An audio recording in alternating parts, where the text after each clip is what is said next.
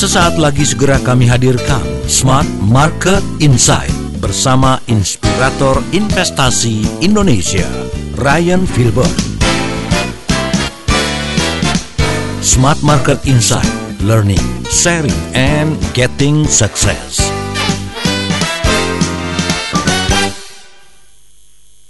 Akhir-akhir ini dan bahkan hari ini uh, salah satu instrumen investasi yang sedang booming jadi bahan perbincangan di mana-mana adalah emas. Dan fenomena emas ini menarik sekali untuk kita kulik. Kita cari tahu sebenarnya ada apa dengan emas sehingga kemudian ini seperti menjadi primadona baru ya ketika krisis terjadi.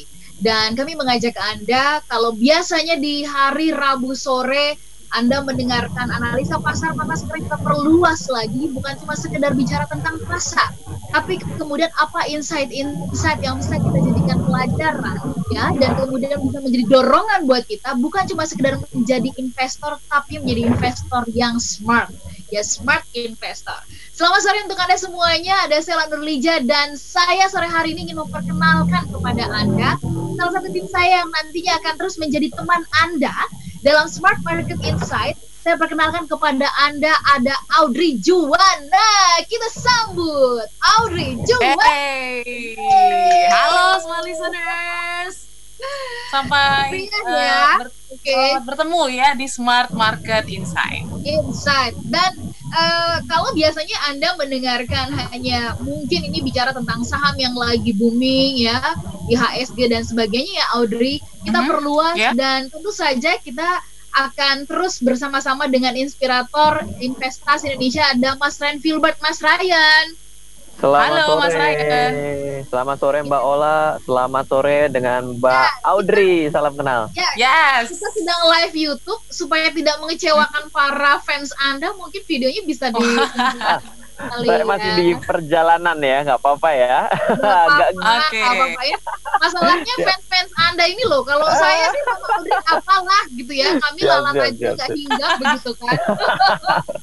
Iya iya, saya lagi di perjalanan. Ini loh yang jadi magnet di Indonesia ini yang uh, rasanya perlu gitu, jangan nanti mereka kira ini pasti hoax nih. Ola sama Adrujana pasti nih ngomongnya bukan sama Ryan nih gitu. ini beneran kan kelihatan ya wajahnya Siap. asli ya siap siap, siap. oke okay. apa kabar Mas Ryan? Sepekan kita nggak ketemu itu kayak sewindu ya Mas Ryan? Oh, aduh, udah kayak orang pacaran Oke, siap. Oke, iya jadi uh, kabar selalu baik. Mbak Ola masih dalam kondisi selalu sehat dan saya juga doakan kepada Mbak Ola, Mbak Audrey dan seluruh smart listeners yang bergabung di sore hari ini kita juga harus bisa dalam keadaan sehat walafiat. Amin. Amin. Ya. Nah, ini menarik nih Mas Ryan hmm. bicara ya Audrey ya, kita bingung juga uh-huh. gitu ya pemberitaan hari ini di berbagai media bisnis gitu dibahas soal emas yang uh, per kilogramnya 19.000. Jadi kalau di ya? Uh, uh, sorry per gramnya 19.000 jadi kalau dihitung-hitung per kilogramnya itu udah sampai mungkin hitungan jutaan kali ya sejutaan ya, ya. oke okay.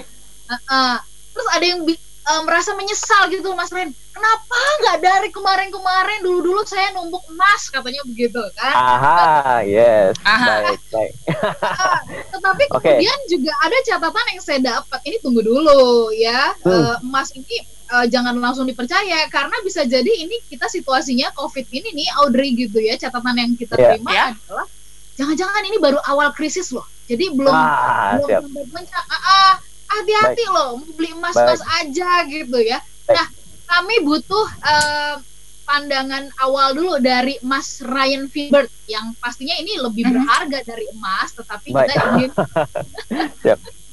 Mas Ryan memberikan okay. catatan awal dulu menurut Anda kenapa emas itu kayaknya jadi fenomenal banget gitu jadi fenomenal banget Baik, jadi gini Mbak Ola dan Mbak Audrey, smart listeners, juga kita harus tahu bahwa yang namanya emas itu adalah logam mulia. Kenapa? Karena ya salah satu logam yang boleh dibilang paling langka karena uh, juga pernah dijadikan sebagai alat tukar dalam kehidupan kita sebelum kita mengenal uang kertas. Mm-hmm. Jadi kalau misalnya menelisik lebih jauh bahwa uang kertas kita ini sebenarnya ada cadangan emas yang dijaminkan itu uh, mulai tidak diberlakukan seperti itu dari Presiden Nixon. Jadi uh, ada satu masa uh, pada tahun 1972 kalau tidak salah itu akhirnya tidak lagi ada cadangan emas yang menanggung daripada uang kertas sehingga boleh dibilang barang siapa dulu memiliki emas itu sebenarnya sebagai bisa ditukar dengan uang kertas disebut dengan banknote. Maka kita mengenal dengan namanya banknote. Nah,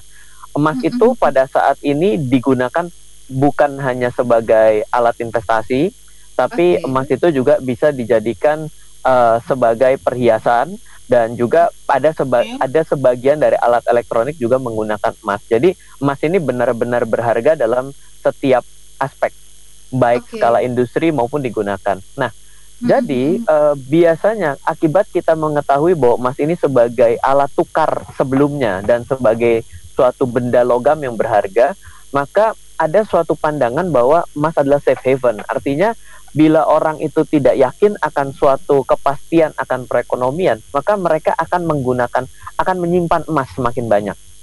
Mm-hmm. Nah, jadinya bila uh, smart listener pada saat ini melihat kenaikan harga emas ini sebenarnya inline dengan kekhawatiran di dunia terkait dengan ketidakpastian perekonomian global akibat dari pandemi virus corona dan juga perang dagang yang tengah dilakukan oleh uh, negara-negara maju seperti Amerika versus dengan Cina.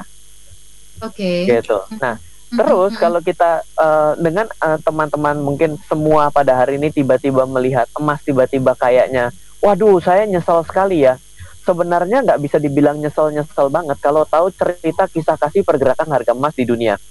Oke, pakai kisah kasih ya Audrey ya. Iya dong, kan ada kisah kasihnya nih. nih. Ya jadinya ya. Nih, kalau uh. misalnya uh, Anda mengikuti pergerakan harga emas itu baru saja nah melewati 1920 US dollar per troy ounce. Jadi kalau misalnya di Indonesia kenal-kenalnya adalah gram-graman, di dunia itu satuannya adalah mm -hmm. troy ounce atau OZ. Hey, Jadi on, ya? Beda ya, beda cara cara membahasakannya. Nah, kalau melihat dari pergerakan emas yang 1920 baru dilewati, asal tahu saja bahwa 1920 itu angka 1920 US dollar per troy ounce itu pernah terjadi sekitar 9 tahun yang lalu. Oke, sampai jadi, di situ dulu. Oke, uh, pernah terjadi 9 tahun yang lalu. Jadi sebenarnya bukan cerita pertama dalam kisah kasihnya Mas iya. ini gitu ya. kan ya ceritanya. Kita nanti bahas lebih lanjut di uh, sesi okay. berikutnya, smart listener dan juga sahabat yang bergabung. Kita mau tanya dulu, kita bikin survei kecil-kecilan ya Audrey ya. Kita tanya kepada hmm. smart okay, boleh. Siapa di antara Anda yang minimal punya emas perhiasan? ya mm-hmm. atau bahkan sudah mm-hmm. punya tumpukan batangan emas. Nah, Anda boleh share ya. Okay. Tenang aja kok ini bukan untuk jadikan apa-apa, kita pengen tahu aja sejauh mana Anda uh, sudah artinya menjadikan emas ini sebagai tadi tuh yang disampaikan oleh uh, Mas Ryan safe haven ya. Keren juga istilahnya. Boleh dikirim ke 0812 11 12 959. Habis ini kita mau berikan kabar gembira ya Audrey ya kabar gembira yes. kalau kita mau mengadakan silaturahmi ketemuan sama Mas Ryan Filbert. Nah, apa kabar gembiranya? Nanti Aha. setelah jeda kita sampaikan. Kami jeda dan tetaplah bersama dengan kami dalam Smart Market Insight kita membahas mengenai fenomena emas.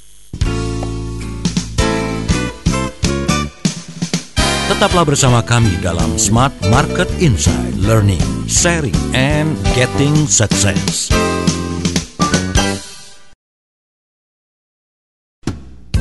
We take the time to listen to you.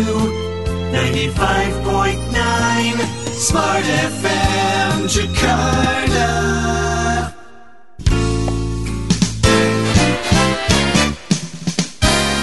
Kembali Anda ikuti Smart Market Insight bersama Ryan Filbert, inspirator investasi Indonesia. Malisana dan juga sahabat yang bergabung di seluruh Indonesia, Smart Market Insight kembali hadir untuk Anda. Dan eh, kalau biasanya Anda berkunjung ke toko buku ya, itu buku-buku yang paling fenomenal memang soal investasi adalah buku-bukunya Ryan Filbert. Yeay! Yes! ya. Nah itu sebabnya kita gemes ya Audrey ya kita nggak pengen uh-huh. um, apa uh, Mas Ryan ini tidak tersentuh gitu. Jadi kita mau mengadakan webinar di mana smart listener bisa bersentuhan langsung bersama dengan beliau sekalipun melalui virtual. Webinarnya akan kita adakan di tanggal 18 Agustus ya. Topik yang nanti akan dibawakan oleh Ryan Filbert itu adalah um, gaya hidup ya versus investasi bernilai di masa uh-huh. new normal. Jadi kalau biasanya sepenggal-sepenggal dengar ceritanya Mas Ren, ini ketemu langsung, Anda tuh nggak bakal bosen dua jam bahkan kurang dua jam. kalau ngobrol sama Mas Ren Filbert. Saya biasanya kalau begadang-begadang ngobrol sama sama Mas Ren Filbert bisa sampai empat jam itu ngobrolin investasi gitu. Ngobrolin ya. banyak hal gitu ya soal uh-huh um, bagaimana menjadi investor yang yang maksimal lah kira-kira begitu. Nah, smart listener bukan hanya Ren Filbert, ada empat narasumber lain yang juga akan menginspirasi Anda yaitu ada Anthony Dio Martin di tanggal 18 eh sorry di uh, 15 Agustus 15. kemudian 25 uh -huh. Agustus bersama dengan James Gui uh, Tung Desa Muaringin ya Live and Financial Revolution Kemudian tanggal 28-nya kekuatan copywriting bersama dengan James Gui dan di tanggal 31 ya itu uh, seni menjual diri bersama dengan Priges. Bayangin ya, Anda beli Ryan Filbert uh, webinarnya dapat empat yang lainnya. Keren ya. Special price early bird-nya itu hanya 350 ribu rupiah ya. Early bird 350 ribu rupiah, normalnya 500 ribu rupiah. Jadi pergunakan kesempatan untuk sore hari ini Anda masih bisa mendapatkan early bird ketik nama Anda kemudian spasi DWM ya. Kirimnya ke 08212345 9590 sekali lagi ke 0821 2345 9590 Audrey kita pengen sambung nih ke ke Mas Ryan ya kalau tadi ya? uh -huh kisah kasihnya Mas ini ternyata panjang ya. Ini bukan kali pertama ya ada di angka 19.000 itu. Nah, uh, okay. apa yang sebenarnya faktor-faktor yang menyebabkan ini menjadi sangat tinggi harganya, Mas Ryan? Apakah benar-benar hanya ketidakpastian? Atau karena uh -huh. stucknya uh, lingkaran ekonomi gitu ya, uh, pasar yeah. juga tidak tidak tidak menggeliat sehingga kemudian emas menjadi segitu harganya? Silakan. Baik, jadi dalam membentuk sebuah harga uh, apa pun ya, mis, uh, terutama pada harga emas gitu, itu selalu dipengaruhi setidaknya pada tiga hal, Mbak Ola, uh, Mbak Audrey dan juga smart listeners. Yang pertama adalah uh, harga terbentuk akibat kondisi keuangan uh, perekonomian. Kedua adalah karena sebuah minat uh, jual beli. Yang ketiga adalah suatu sisi spekulasi. Nah, tiga ini akan selalu mewarnai hingga terjadinya suatu harga yang hari ini ada di depan kita. Jadi misal tiba-tiba ada suatu uh, penemuan baru yang membutuhkan emas dalam jumlah yang sangat banyak, maka secara otomatis itu akan menyebabkan demand and supply bergeser dong. Itu bisa hmm. menyebabkan kenaikan harga. Atau hmm. tiba-tiba ada salah satu negara besar yang tiba-tiba bangkrut, maka itu bisa jadi menyebabkan kenaikan harga akan emas karena ada suatu sisi uh, demand and supply terkait dengan makroekonomi yang terganggu. Yang hmm, ketiga okay. adalah lain daripada itu adalah spekulasi. Spekulasi itu ya nggak tahu kenapa tiba-tiba aduh udah pengen beli emas dan itu berlaku secara internasional. Nah, itu artinya akan menyebabkan emas akan bergeser bergeser juga. Nah, dan ini dalam kehidupan sehari-hari kita akan selalu mixing ketiganya.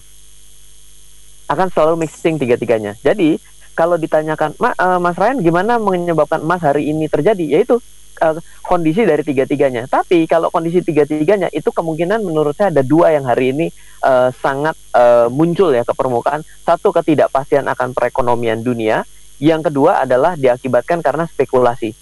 Tiba-tiba ada orang yang tadinya nggak pernah beli emas di harga tertinggi tiba-tiba ikutan beli emas dan itu tidak terjadi satu orang, tapi terjadi pada banyak orang. Beda sekali dengan orang-orang yang mengerti dan berinvestasi emas, maka dia dalam keadaan hari ini di atas, di tengah, di bawah dia akan tetap beli. Tapi ada orang yang tiba-tiba mengambil posisi spekulasi, tebak-tebakan, tebak-tebak buah, man buah manggis, siapa tahu untung, dia entry. Itu yang menyebabkan kenaikan harga juga. Itu yang menyebabkan ya hari ini harga emas sudah bergeser ke di atas uh, eh, 2000 US dollar per troy ounce. Dan hmm. kenapa Indonesia merasakan kenaikan harga emas yang kayaknya fantastis banget? Karena juga diiringi dengan pelemahan nilai tukar rupiah terhadap dolar. Jadi kita dapat oh, combo okay. nih, gitu. Aha. Oke, okay. tapi Mas Ryan, kalau misalnya ngomongin fenomena ini gitu ya, kira-kira ini berlaku pada emas 24 karat kah atau semua kadar emas nih, emas putih dan lain sebagainya? Baik, jadi uh, ini penting ya untuk uh, smart listener catat bahwa bila uh, smart listener ingin berinvestasi, maka sebenarnya tidak disarankan untuk membeli emas yang sifatnya kadar campuran. Misalnya dengan emas perhiasan Oke. kadarnya kan ada kadar 75 atau biasanya ada yang masih menyebut sebagai 22 karat gitu ya. Itu eh, campurannya kadang-kadang tidak berlaku secara standarisasi dari satu tempat ke tempat lain. Oleh karena itulah bagi yang mau investasi secara fisik harus juga mengetahui ada yang namanya sertifikasi. Sertifikasi yang berlaku internasional yang namanya LBMA nah itu ada Oke. sertifikatnya. Ya, itu ada Antam dan UBS di Indonesia yang Oh, memang oke. tersertifikasi. Jadi emas lantak itulah yang sebagai alat investasi yang sebenarnya bagi emas. Kalau misalnya untuk perhiasan harganya nggak naik, Ryan, naik, tapi tentu tidak bisa sesignifikan mengikuti pergerakan harga emas yang sebenarnya sedang terjadi. Mhm. Oke, Jadi kalau menarik emas sekali. perhiasan, emas 22 karat yang 23 yang kalau di, dibentuk jadi perhiasan kan itu cantik banget ya Audrey ya. Ternyata Mm-mm. itu nggak boleh dijadikan sebagai alat untuk investasi padahal banyak banget masyarakat yang menganggap bahwa wah ini pokoknya kalau saya ada uang udah beli aja yang ada gitu dan kemudian mungkin kalau yang menikah ya pakai cincin putih itu nggak bisa dijual berarti ya Mas Ryan Ah. ya bisa dijadikan Jadi- investasi ya Sebenarnya sih boleh juga punya sih nggak Oke. salah. Lebih baik punya daripada kan nggak punya. Tapi Iya, bagaimana benar-benar. optimal itu ya artinya kalau mau investasi yang sebenarnya adalah emas lantak, LM, logam mulia Mhm. seperti itu. Oke. Oke. Nah, Mas, kalau kalau sekarang kan ini banyak banget ya yang eh, apa namanya membeli emas itu bahkan dengan eh, kadar yang terkecil, pokoknya gram-graman segram pun itu bisa gitu kan. Mm, mm, mm. Itu memang dimungkinkan nggak sih atau eh, kita memang juga harus kritis dengan dengan penawaran-penawaran yang kayak gini, Mas Raya? Aha, ini pertanyaan yang bagus sekali ya. Jadi era itu kan bergeser ya. Eh, Era zaman dulu orang kalau beli emas eh, kalau nggak satu kilo orang nggak beli, nggak berasa. Wow, tapi kalau satu kilo gula sekarang ya, ya. satu kilo ya. Iya, tapi satu, satu kilo segini, tapi harganya udah nyampe ke M, satu M gitu kalau sekarang. Tapi kalau misalnya beli yang terlalu kecil nanti akan dirugikan yang namanya ongkos pembuatan, ongkos cetak. Jadi bagi eh, Bapak Ibu dan juga bagi smart listeners yang mungkin mau investasi, itu beli dengan kadar gram-graman yang kecil itu nanti akan dirugikan dengan ongkos cetaknya. Jadi ongkos gram-graman yang menurut saya biasa saya hitung adalah di atas 100 gram itu mulai nilai ongkos cetaknya mulai affordable lah, mulai cocok untuk kita bisa miliki. Nah, oleh karena itulah muncul yang namanya pembelian emas secara scriptless yaitu dengan tabungan emas. Ya pasti kita sudah tahu ada cukup banyak startup-startup dan juga pegadaian sendiri itu merevolusi bentuk kepemilikan dengan tabungan emas di mana emasnya itu dibentuk dalam bentuk tulisan. Nah, ada dua yang beredar di masyarakat yang harus kita catat dengan baik. Yang pertama adalah yang benar-benar memiliki cadangan emas. Artinya dia memang benar sebagai perusahaan yang ketika kita beli satu gram sebenarnya dia sudah punya cadangannya 100 gram atau berapapun sebagai backupnya. Kenapa? Karena misalnya dia bodongkan, misalnya bodong itu artinya dia catat satu gram dan ternyata emasnya mengalami kenaikan tiga kali lipat di kemudian hari akibat berbagai macam isu, misal dan itu juga menjadi masalah yang berbeda. Tapi itu nanti repot dia kan nggak harus harus menukar satu gram menjadi terasa tiga kali lipat. Dia uang dari mana kalau tidak pernah memiliki emas sebagai landasannya. Betul. Nah itu penting untuk diketahui. Jadi satu itu, yang kedua adalah diatur oleh eh, bursa komoditi. Jadi eh, Mhm. smart listeners harus tahu bahwa di Indonesia ada namanya Bursa Efek Indonesia. Yang kedua namanya adalah Bapepti. Nah, Bapepti ini mengatur kontrak-kontrak berjangka. Salah satu kontrak berjangka yang diatur adalah kontrak emas. Jadi Oke. ada perusahaan-perusahaan startup yang tidak mungkin yang mungkin tidak memiliki emasnya, namun meng, menghedgingkan, membelikannya dengan bentuk kontrak emas. Sehingga Oke. itu ada underlyingnya. Underlying tuh ada dasarnya untuk diperjualbelikan. Nah itu dua hal itu maka boleh untuk lakukan yang namanya sifatnya pembelian emas secara eceran kecil-kecilan 8.000 rupiah, sat- Mhm. 0,01 gram atau berapapun itu bisa dilakukan. Oke, Mas Ryan ini udah banyak yang mau bertanya, tapi nanti kita sambung di sesi berikutnya ya. Saya juga eh, sebenarnya gatel juga ya. Berarti Indonesia Hmm. sebenarnya nggak perlu harus mengalami krisis ya, Mas. Kan kita punya tambang emas kan gede banget ya. Nah, Itu banyak mas-mas gatel. lagi. Pikiran saya ya. Mas, mas. Mas Jawa kan banyak tuh Mas Budi. Dan mas-mas ya kan? juga banyak lagi gitu kan di Iya. Indonesia. Nah, tapi nanti kita bahas di sesi berikutnya, smart listener dan juga sahabat yang bergabung.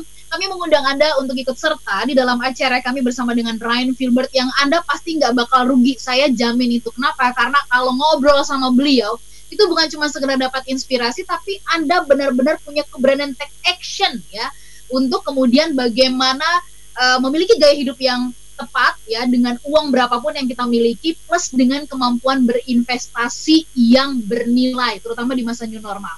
Pastikan Anda memper, uh, menggunakan kesempatan ini bisa mendapatkan early bird hanya Rp350.000. Anda sudah bisa mendapatkan webinar bersama dengan Mas Ryan Filbert dan empat narasumber lainnya. Ya, ketik nama Anda, kemudian spasi DWM, spasi jumlah orang yang Anda daftarkan, kirim ke 08212345 9590 sekali lagi ke 08212345 9590 kami jadi sesaat tetap bersama kami. Tetaplah bersama kami dalam Smart Market Insight Learning, Sharing, and Getting Success.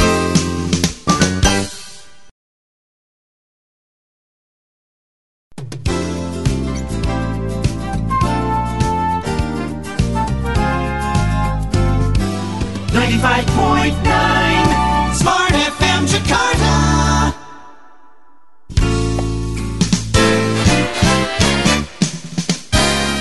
Kembali Anda ikuti Smart Market Insight bersama Ryan Filbert, inspirator investasi Indonesia.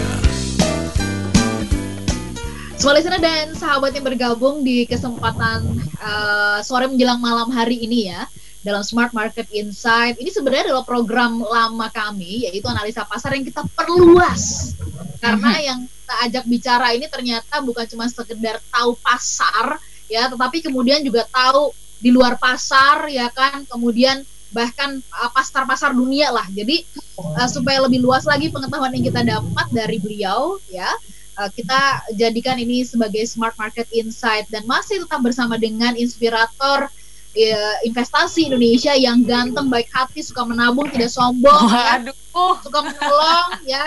Itu Mas ini mirip si kancil ini mirip si kancil ini. Nah, uh, apa uh, kita mau membahas mengenai fenomena emas ya yang mm-hmm. keren di situasi sekarang ini. Mas Ryan sebelum dijawab mm-hmm. pertanyaan saya tadi soal uh, apa uh, harusnya Indonesia benar-benar bisa punya bantalan yang kuat banget dong buat ekonomi karena kita punya tambang emas kan luar biasa. Nah, nanti dijawab uh, pertanyaan saya karena sudah banyak pertanyaan dari YouTube dan juga WhatsApp yang masuk ya. Silakan yeah. Audrey bisa ditanyakan kepada Mas Ryan. Monggo. Oke, kita ke pertanyaan di WhatsApp dulu ya, Mas Ryan ya. Iya, boleh, Dari silakan. Pak Yosua yang ada di Bintaro. Uh, Halo, kira-kira menurut Mas Ryan ada nggak sih hubungan antara pergerakan harga emas dengan harga minyak mentah yang uh, sedang terjadi saat ini? Oh, oke. Okay. Baik, jadi kalau kita sebagai analis nanti ketika ditanya begitu, kita akan berusaha melakukan uh, pencocokan data dan akhirnya menjadi cocokologi. Jadi bukan analisa. Cocokologi. Jadi okay. menurut saya pasti akan ada suatu korelasi antara satu dengan yang lain. Namun okay. uh, eh, sebenarnya yang lebih bisa dijadikan sebagai alat analisa itu adalah emas adalah safe haven yang terjadi secara psikologi investor dunia tuh berpikir seperti itu. Jadi semakin hmm. kondisi dunia tidak aman ataupun semakin kondisi tidak kondusif, maka harga emas mengalami kenaikan. Nah, sebenarnya kalau kita mau mencocokologikan dengan yang paling yang paling dekat saja kalau diperhatikan smart listeners mungkin memperhatikan uh, sadar nggak bahwa kenaikan harga emas dalam beberapa hari terakhir atau beberapa minggu terakhir itu uh, mengalami kenaikan lebih dulu sebelum diumumkannya uh, perlambatan ekonomi uh, dari uh, GDP dari Amerika yang minus okay. 30%. Itu ter terasa sekali saya selalu mengatakan dari saya ingat banget saya analisa pasar saya selalu, selalu bilang ada sesuatu yang akan terjadi nih tapi kita adalah orang terakhir yang tahu tapi emas sudah buruan di seribu orang dan hari ini sudah dua ribuan lebih. Dan jadi memang akan terjadi seperti itu. Jadi kalau nanti ditanya dengan minyak dunia dengan WTI pasti akan ada korelasi yang bisa kita cari. Tapi yang impact langsung itu lebih kepada ya saat ini keamanan dan kestabilan perekonomian dunia yang tidak stabil membuat harga emas kembali menjadi primadona. Itu sudah rumusan yang dari tahun ke tahun yang terjadi karena apa? Karena dasarnya emas adalah alat tukar yang terjadi sebelumnya sebelum kita mengenal banknotes atau uang kertas hari ini. Oke, Mas Ryan sebelum dilanjut pertanyaan dari uh, Audrey tadi ya lo- lewat Ya. WhatsApp atau YouTube, saya mau tajamkan sedikit. Kalau tadi Mas uh, katakan bahwa Mas adalah safe haven yang dirasakan oleh psikologis, berarti kalau gitu tepat nggak sih perilaku dari uh, customer, perilaku masyarakat dunia yang kemudian menjadikan emas sebagai bantalan? Artinya sebagai backbone lah ya dalam menyelamatkan ekonomi pribadi ya perusahaan atau juga suatu negara, Mas. Ya, jadi uh, agak sedikit berbeda kalau kita ngomong negara sama kita ngomong masing-masing pribadi-pribadi kita termasuk orang-orang kaya yang ada gitu ya. Jadi Oke. uh, kalau orang kaya mindsetnya itu adalah bukan bagaimana caranya untuk dapat untung, tapi bagaimana caranya mengamankan portofolio. Sehingga orang kaya selalu terbiasa dengan yang namanya rebalancing portofolio. Jadi misalnya dia geser dari tempatnya yang turun, dia cari tempat lain yang bisa mengimbangi. Misal, hari ini bisnis pada turun, otomatis nilai tukar mengalami pelemahan. Apabila dia memiliki eh, dolar di dalam portofolionya dan juga memiliki emas, maka kan penurunan dalam bisnis dia dapat tercover akibat kenaikan harga nilai emas dan harga dolar. Nah, itulah disebut dengan rebalancing aset atau portofolio. Nah, sedangkan bagi masyarakat yang bukan bagian dari eh, wealth ya, ada standar ada standarisasi wealth yang mungkin lebih mencari profit, maka mereka mindsetnya adalah bagaimana cara mencari keuntungan. Sehingga ada ada mindset yang berbeda. Tapi kalau saya mau sharingkan kepada Anda semua smart listeners bahwa kita harus tahu bahwa setidaknya kita harus menguasai tiga jenis aset yang bisa membuat Anda dalam kondisi apa pun kaya. Satu Oke. adalah memiliki properti yang produktif. Dua, Mhm. memahami dan melakukan bisnis dan akuisisi. Yang ketiga adalah memiliki lindung nilai. Oke. Kalau dalam tiga hal ini sudah mulai aware dan sudah mulai paham, maka kemungkinan dalam kondisi hari ini Anda tetap ya turbulensi adalah dalam bisnis pasti, tapi tetap dalam keadaan yang cukup uh, stabil, bisa untuk tetap bergerak walaupun perlahan. Karena ini lagi hujan badai nih ibaratnya nih, mau jalan mobil naik 200 km per jam sekali ngerem ngepot tebalanting kan. Nah, jadi Betul. itu sebenarnya yang harus kita ketahui bahwa kita ini sekarang dalam kelas ekonomi yang mana? Dalam kelas investasi yang kita mau kejar yang mana? Wah, saya start from zero. Wah, kalau start from zero, rasanya menurut saya emas kurang tepat. Kalau tiba-tiba beli emas. Tapi kalau Hmm. misalnya saya sudah cukup loh, saya sudah punya, eh, saya sudah punya pendapatan dan aset saya sekian. Oh, pertanyaannya adalah apakah asetnya sudah terbagi-bagi dengan baik? Kenapa? Karena di dunia ini tidak ada aset terbaik. Sama lah, misalnya ditanya, eh, bela diri apa yang terbaik di dunia? Eh, bela diri terbaik di dunia kalau kita ikutin kitab-kitab itu, itu malah mengatakan bela diri yang terbaik adalah dengan cara tidak berantem. Oh ya udah damai-damai saja. Iya, jadi artinya Jangan cari kita- musuh gitu ya. betul. Dan jadi nggak ada yang terbaik, semua itu baik, tapi kapan waktu yang tepat untuk dikeluarkan adalah yang paling baik harus kita ketahui. It's all about timing. Oke. Oke, Monggo, kalau gitu kita berikutnya. Oke, kita beralih lagi ke WhatsApp yang masuk ada dari Ya. Ibu Sri yang Mm-mm, ada Ibu di Sri. Bogor. Iya, nah, Bu. berkaitan dengan eh, Indonesia akan mengalami resesi nih Mas ya. Kan ini Eh, belum pasti nih siapa? sebenarnya. Atau siapa sih? Siapa atau siapa? Atau siapa? belum, belum, belum, Isu-isu belum. nih ya. Nah, ini kira-kira karena pertumbuhan ekonomi yang minus eh, yang baru keluar informasinya, akankah investasi ini juga berpengaruh? Nah, kira-kira investasi apa yang paling tepat? Oke, gini, eh, saya tadi sudah sempat sempat sounding bahwa menurut saya tidak ada investasi yang buruk. Tapi kalau misalnya tidak punya semuanya jadi buruk. Mas, saya tidak punya investasi apa pun. Nah, Anda buruk, betul. Tapi kalau misalnya, Mas, saya sudah punya saham pada saat ini turun. Oh ya, nggak apa-apa. Berarti apakah saham Anda sudah sesuai dengan perusahaan-perusahaan yang bagus? Oh benar, ini sudah bagus ya. Udah, berarti keep invest.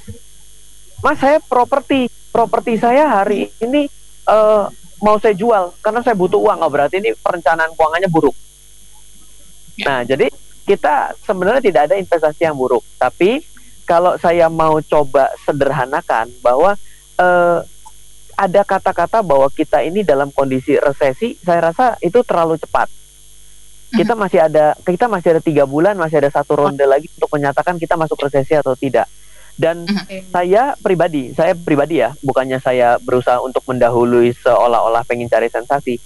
Saya punya keyakinan sepertinya kita akan keluar dari lubang resesi. Jadi kita tidak jadi resesi. Saya. Oke. Kok Ryan bisa ngomong gitu? Eh, sederhana gini. Yang hari ini yang minus 5 sekian ini, ini kan diakibatkan adalah antara bulan Maret menuju bulan Mei Juni toh. Betul. Di mana Maret sampai Maret eh, Maret sampai Juni ini orang bukannya tidak bol tidak bol tidak mau berbisnis loh, tidak diperkenankan, tidak diperbolehkan. Artinya Ya. stay di rumah saja. Gitu. Nah, ada itu kan secara otomatis ya, ada pembatasan ya. Betul. Jadi kalau minus karena dibatasi, kayaknya saya rasa logis. Tapi kan sejak bulan Juni ke Juli ini kan sudah ada yang namanya new normal. You know, Ada Jalanan aja. pergerakan ya, Mas Ryan ya. Betul. Mhm. Jalanan saja sudah kembali macet. Tapi memang betul harus ada bagian-bagian yang diselamatkan oleh pemerintah. Ini sudah kepiawaian pemerintah dalam mengatur gross domestic product. Seperti yang saya bahas di analisa pasar minggu lalu bahwa gross domestic product ini adalah harus ada peran pemerintah ketika masyarakatnya melempem mandul nggak bisa Oke. mungkin dia mau spending nggak berani karena takut berani invest masa iya berani invest berarti kan harus ada peran pemerintah yaitu apa dengan government spending seperti itu Mhm. Oke, seperti itu. Keren banget jawabannya. Nah, ini pertanyaan dari YouTube mungkin satu bisa kita bahas sebelum kita jeda, Audrey. ah ayo siap apa YouTube Oke. Yang sudah masuk di YouTube eh, ini hanya respon sih ya Mas ya. apa tuh Heeh. Dari warga baik nih. Daripada Woi, beli saya emas warga baik juga Heeh. Oke, warga baik taat pajak ya. Dan dari warga baik, daripada beli emas antam lebih baik beli saham UNTR produknya Astra seperti itu. Iya, pertama yang saya mau kemukakan bahwa eh, semua hal di dunia ini tidak ada yang pasti. Mana yang Hmm. lebih baik adalah karena kita lebih memahami. UNTR salah satunya pada saat ini alat berat yang lebih kepada shifting untuk eh, eksplorasi tam- pertambangan emas. Tapi tetap saja alat berat awalnya itu digunakan untuk pertambangan batu bara, mining, dan eh, alat berat untuk kebutuhan pertambangan yang lain. Jadi ya mungkin dengan menganggap itu adalah part of Astra dan eh, menjadi kuat itu adalah suatu eh, anggapan subjektif yang tidak salah. Tapi eh, kembali lagi bahwa bagi orang yang tidak mengerti dan memahami instrumen maka sebenarnya emas itu adalah suatu konsep investasi yang paling basic yang kita gampang bayangkan. Hanya ada dua instrumen investasi khas Indonesia yang gampang untuk diajarin ke orang lain. Satu adalah beli tanah, yang kedua adalah beli emas. Beli emas. Beda dengan membeli saham. Saham itu adalah the next step orang mengerti akan yang namanya pasar modal, orang beli dengan tidak takut. Kalau lagi turun semua akan teriak-teriak nantinya. Oke.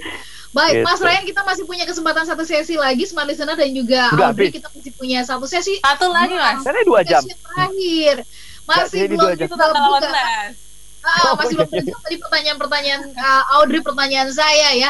Nah, tapi kita sambung nanti dan sebelum jeda saya mau kembali ingatkan kepada Anda untuk bisa bergabung di tanggal 15 sorry 18 Agustus 18, ya bersama aha. dengan Ryan Hilbert dari jam 2 sampai dengan jam 4 sore. 2 jam ini Anda benar-benar akan dipuaskan ya ngobrolin tentang gaya hidup dan investasi yang bernilai di masa new normal itu akan dikupas habis oleh Mas Ryan Filbert. So, Saya alat Smart Listener. Yes, kalau Anda uh, daftar masih bisa dapetin early bird ya dan Anda langsung dapat empat webinar yang lainnya. Jadi bukan hanya Mas Ryan dapat juga webinar Anthony Dio Martin, James Guy, Tung Desa Muaringin dan Priges. Dan Anda bisa mendapatkan sertifikat, materi dan bahkan kemudian video ya dari uh, webinar tersebut. Buat Anda yang uh, membeli early bird Rp350.000 dan masih ada kesempatan ketik nama Anda kemudian spasi DWM dan kemudian spasi jumlah orang yang Anda daftarkan kirim ke 0821 2345 9590 saya ulang ke 0821 2345 9590 kami jeda sesaat tetaplah bersama dengan kami dalam Smart Market Insight. Kita membahas mengenai fenomena emas. Tetaplah bersama kami dalam Smart Market Insight Learning, Sharing, and Getting Success.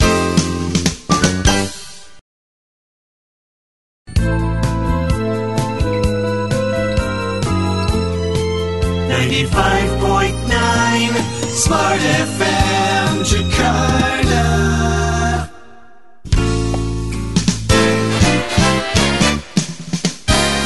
Kembali Anda ikuti Smart Market Insight bersama Ryan Filbert, inspirator investasi Indonesia. Semua listener dan juga sahabat yang bergabung, Anda masih menyimak Smart Market Insight sama sih bersama-sama dengan Audrey Juana yang nantinya akan menjadi teman Anda di dalam Smart Market Insight ya mengawal bersama-sama dengan Mas Ryan Filbert. Dan sore hari ini kita membahas tentang fenomena emas ya, Audrey ya. Nah, Benar uh, sekali. sebelum kita Yes, sebelum kita lebih lanjut mengingatkan kepada smart listener yang tadi mungkin kelewat kabar gembira apa tadi? Tadi apa webinar apa begitu? Mungkin uh. Audrey bisa ingatkan smart listener ya.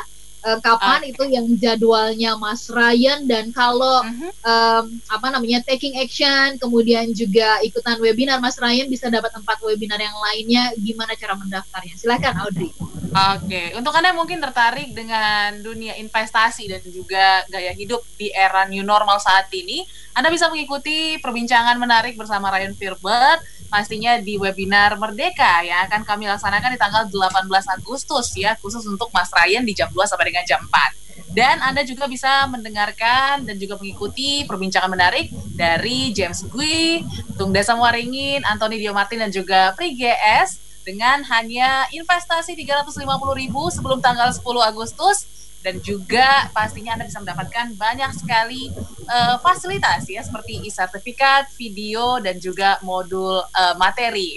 Jadi Anda yang ingin mendaftar ataupun ingin info lebih lanjut silakan hubungi di 0821 eh, 2345 9590. Ingat eh, via WhatsApp ya di 0821 2345 9590. Oke, baik.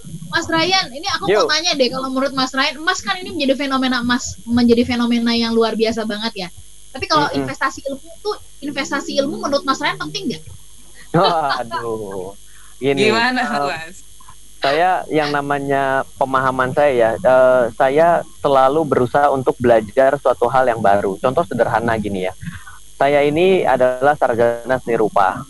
Saya akhirnya pindah banding setir belajar keuangan dan eh, master ilmu ekonomi. Lalu era zaman financial technology pada saat ini saya juga belajar mengenai yang namanya programming. Saya belajar yang namanya machine learning, saya belajar artificial intelligence, saya juga belajar mengenai Python programming, saya belajar eh, data science. Artinya dalam hidup kita ini sebenarnya tidak bisa kita jago pada satu hal dan kita mengatakan hal yang lain tuh jelek lah kita udah pengen satu hal saja. Iya. Itu membuat kita sulit untuk melihat eh, dunia luar. Maka kadang-kadang namanya kan ada oh ini ya katak-katak dalam tempurung gitu ya atau biasa juga misal kutu kupret gitu jadi jago kandang aja itu sebenarnya akhirnya kita harus belajar suatu hal yang baru karena bisa jadi kita mendapatkan sesuatu yang breakthrough-nya sesuatu yang luar biasanya itu dengan kita meng- mendapatkan da- pada ilmu yang lain itu menurut saya ya Oke, kalau gitu apalagi pas di banget. era kayak hari ini Jadikan eh, apa situasi ini menjadi breakthrough untuk kita belajar sesuatu yang baru. So ikutan webinar kami ya, lima limanya Iya. Anda bisa dapat early bird tiga ratus lima puluh ribu rupiah ya. Langsung saja ketik nama Anda kemudian spasi DWM ya, spasi jumlah orang yang Anda daftarkan kirim ke 082123459590. Baik Mas Ryan dan juga Mhm. Audrey kita masih penasaran Aha. ya soal fenomena emas ini. Mas Ryan Indonesia kan kaya Ya. banget dengan tambang emas. Ini pe- Aha. pemikiran bodoh, pemikiran bodoh saya aja lah ya. Kalau Iya. gitu, kalau sebenarnya ini emasnya kita usahakan sendiri, kita jual sendiri, kita produksi sendiri buat kita begitu ya. Em, enggak di artinya nggak diserahkan kepada pihak lain untuk diambil dijual di sana begitu. Berarti sebenarnya Iya. Indonesia itu bisa bisa benar-benar sangat makmur banget, nggak akan pernah mengalami resesi. Bener nggak sih, Mas? Nah, ini dia. Jadi kita harus tahu ya bahwa sebenarnya negara kita ini apa pun ada, tapi kadang-kadang kita ini eh, negara yang agak lucu. Contoh sederhana seperti Singapura. Singapura ini kan negara tetangga kita. Barang made in Indonesia yang jual orang Singapura lebih bisa dijual dan lebih bisa dipercaya dibandingkan orang Indonesia yang menjual. Artinya sebenarnya ada sesuatu Iya, yang iya, jadi kita harus bisa sebenarnya pertama yang harus kita lakukan meningkatkan eh, sumber daya manusia kita. Setelah kita bisa meningkatkan sumber daya manusia kita, berarti kita harus bisa mampu mengolah sumber daya alam kita. Nah, kita terjadi lack of knowledge dan lack of util, eh, utility di sini yang membuat kita akhirnya nggak bisa untuk tidak tidak bergantung kepada eh, negara lain. Ini sebenarnya sangat disayangkan. Makanya eh, kemarin juga eh, ketika Pak Presiden juga mengambil Freeport gitu ya dengan berbagai macam skema pada dasarnya sih sebenarnya saya setuju. Kenapa? Karena ya memang harus seperti itu. Kalau enggak kita masa kita punya tambang emas terbaik ya kan di dunia ya kan yang katanya seperti itu tapi kita akhirnya nggak mendapatkan apa-apa. Nah ini memang semua orang yang hari ini masih hidup gitu ya yang ada di Indonesia ini harusnya dengan keadaan yang sulit seperti ini gitu ya itu mulai mencari hal-hal yang bisa meningkatkan skillnya. Kalau dia tidak meningkatkan skillnya, lewat dari masa ini kita akan masuk ke dalam era penjajahan pada saat ini sudah tidak seperti dulu dengan angkat senjata. Pada hari ini akan terjadi penjajahan dalam ada dalam bentuk bidang perekonomian. Ya akhirnya ya selesai juga. Jadi ya saya pendapat dengan yang Mbak Ola katakan, tapi kecintaan kita pun terhadap negara kita kadang-kadang ya cintailah produk-produk dalam negeri. Nggak mau ah saya lebih percaya pakai merek asing ah branded kan keren ya akhirnya kan kita lagi yang dipertanyakan ya kenapa kita tidak mau mau tidak mau menggunakan brand lokal wah ini jadi ini ya ke mikroekonomi banget nih Oke, baik. Eh, masih ada pertanyaan kah eh, Audrey melalui WhatsApp dan juga YouTube? Silakan kalau oke. ada. Boleh Mungkin pertanyaan eh, yang masuk di WhatsApp Terakhir terakhir, ya. ya. Ah, Hmm. Sebenarnya apa nih Mas kelebihan dan juga kekurangan investasi emas saat harga tinggi dan juga mungkin saat harga turun nih ya kita nggak tahu ke depannya seperti apa. baik yang namanya harga emas ini kayak mari kita flashback seolah-olah kita berada di tahun 2011 dan ketika pada Hmm. saat itu harga berada di 1920 US dollar per troy ounce dan dibeli maka ada masa penantian untuk harganya kembali ke titik yang sama meskipun ada yang bilang oh nggak bisa gitu Ryan. Dulu dolarnya nggak segitu. Maka kita sebelum nunggu kembali harga 1920 saya sebenarnya tetap sudah untung. Iya tetap bisa seperti itu. Tapi mari kita bayangkan ada masa penantian untuk kembali. Tapi karena fisiknya adalah logam mulia ya mungkin karena bisa dilus-lus sama dibawa dijadiin bantal tidur jadi ya mungkin kerugiannya adalah nunggu harganya BEP aja balik modal. Tapi Iya, kalau iya, iya. misalnya saya mau ceritakan kepada Anda dalam berinvestasi itu tidak bisa namanya hit and run. Beli Oke. sekali, habis itu udah deh saya nggak mau invest lagi. Itu justru Iya, membuat Anda cenderung bisa rugi. Lebih baik keep buying, keep invest. Oke. Jadi emas turun dibeli, emas naik dibeli. Sampai kapan? Sampai nanti uangnya dibutuhkan. Sampai kapan? Sampai kita mau memakai uang itu untuk kebutuhan yang lain, misalnya sebagai kebutuhan hidup kita setelah pensiun. Nah, itu lebih jelas karena kita investasi bukan based on instrumen, tapi based on timeline. Gitu. Oke. Oke. Jadi Keren, keren. berkala ya. Iya, Berkala benar. invest. Investasinya eh, based on eh, timeline, bukan Based on timeline. ya. Jangan Baik. based on instrumen, nanti akan panik terus. Begitu naik kok Hmm. saya pengen jual, begitu turun kenapa saya kemarin nggak beli? Begitu saya Iya. sudah naik lebih tinggi lagi, kemarin saya kenapa saya belinya sedikit? Akan selalu gitu terus. Oke. Akhirnya bukan jadi investor, orang stres. Nabung Mas Ryan. stres. nabung stres. Ini kita sudah Aha. harus tutup perbincangan kita di kesempatan sore hari ini. Eh, minta eh, apa yang menjadi konklusi atau tipsnya supaya kita memandang fenomena emas ini atau memandang emas ini dengan sangat bijaksana. Apakah kemudian kita membeli? Apakah kita kemudian menjual kalau kita sudah punya banyak begitu? Silahkan. Ya, Ryan. kalau kalau sudah punya banyak, walaupun tidak pernah dijual, nanti kan berarti keuntungan yang tidak pernah terrealisasi. Maka sarannya silahkan lakukan penjualan parsial. Tapi kan krisisnya masih panjang, who knows, nggak akan ada orang yang tahu. Kalau tahu Ibu Sri Mulyani dengan gampangnya bisa membuat kebijakan, Bapak Ibu, ya kan? Nah, yang Iya, kedua, benar. kalau misalnya hari ini belum punya, apakah sudah tinggi? Nggak pernah tahu juga kalau besok menjadi lebih tinggi. Yang jelas adalah keep invest. Pastikan Anda tetap punya duit dari masa ke masa, sehingga kalau naik bisa beli, kalau turun bisa beli lebih banyak. Dan saya juga akan ceritakan bahwa sampai ketemu tanggal 18 itu ya, pastikan Anda ikut. Kenapa? Karena saya mau cerita mengenai bagaimana caranya investment itu bukan menjadi suatu keuangan, tapi adalah gaya hidup. Investment Hmm. is a lifestyle. Seperti itu. Oke. Oke. Wow, keren, menarik sekali. Aha. Baik. Kita harus tutup perbincangannya Audrey ya. Thank you Aha. banget buat Mas Ryan Filbert ya. Yes. Dan eh, buat smart listener yang sudah bergabung melalui YouTube channel Smart FM, subscribe kami dan kemudian eh, Anda yang sudah mendaftar akan segera kami follow up.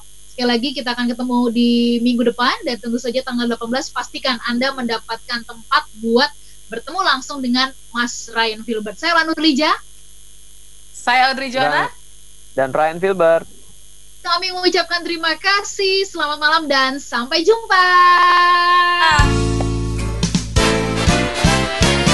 Baru saja Anda simak Smart Market Insight bersama inspirator investasi Indonesia, Ryan Filbert. Smart Market Insight, learning, sharing, and getting success. Terima kasih dan sampai jumpa.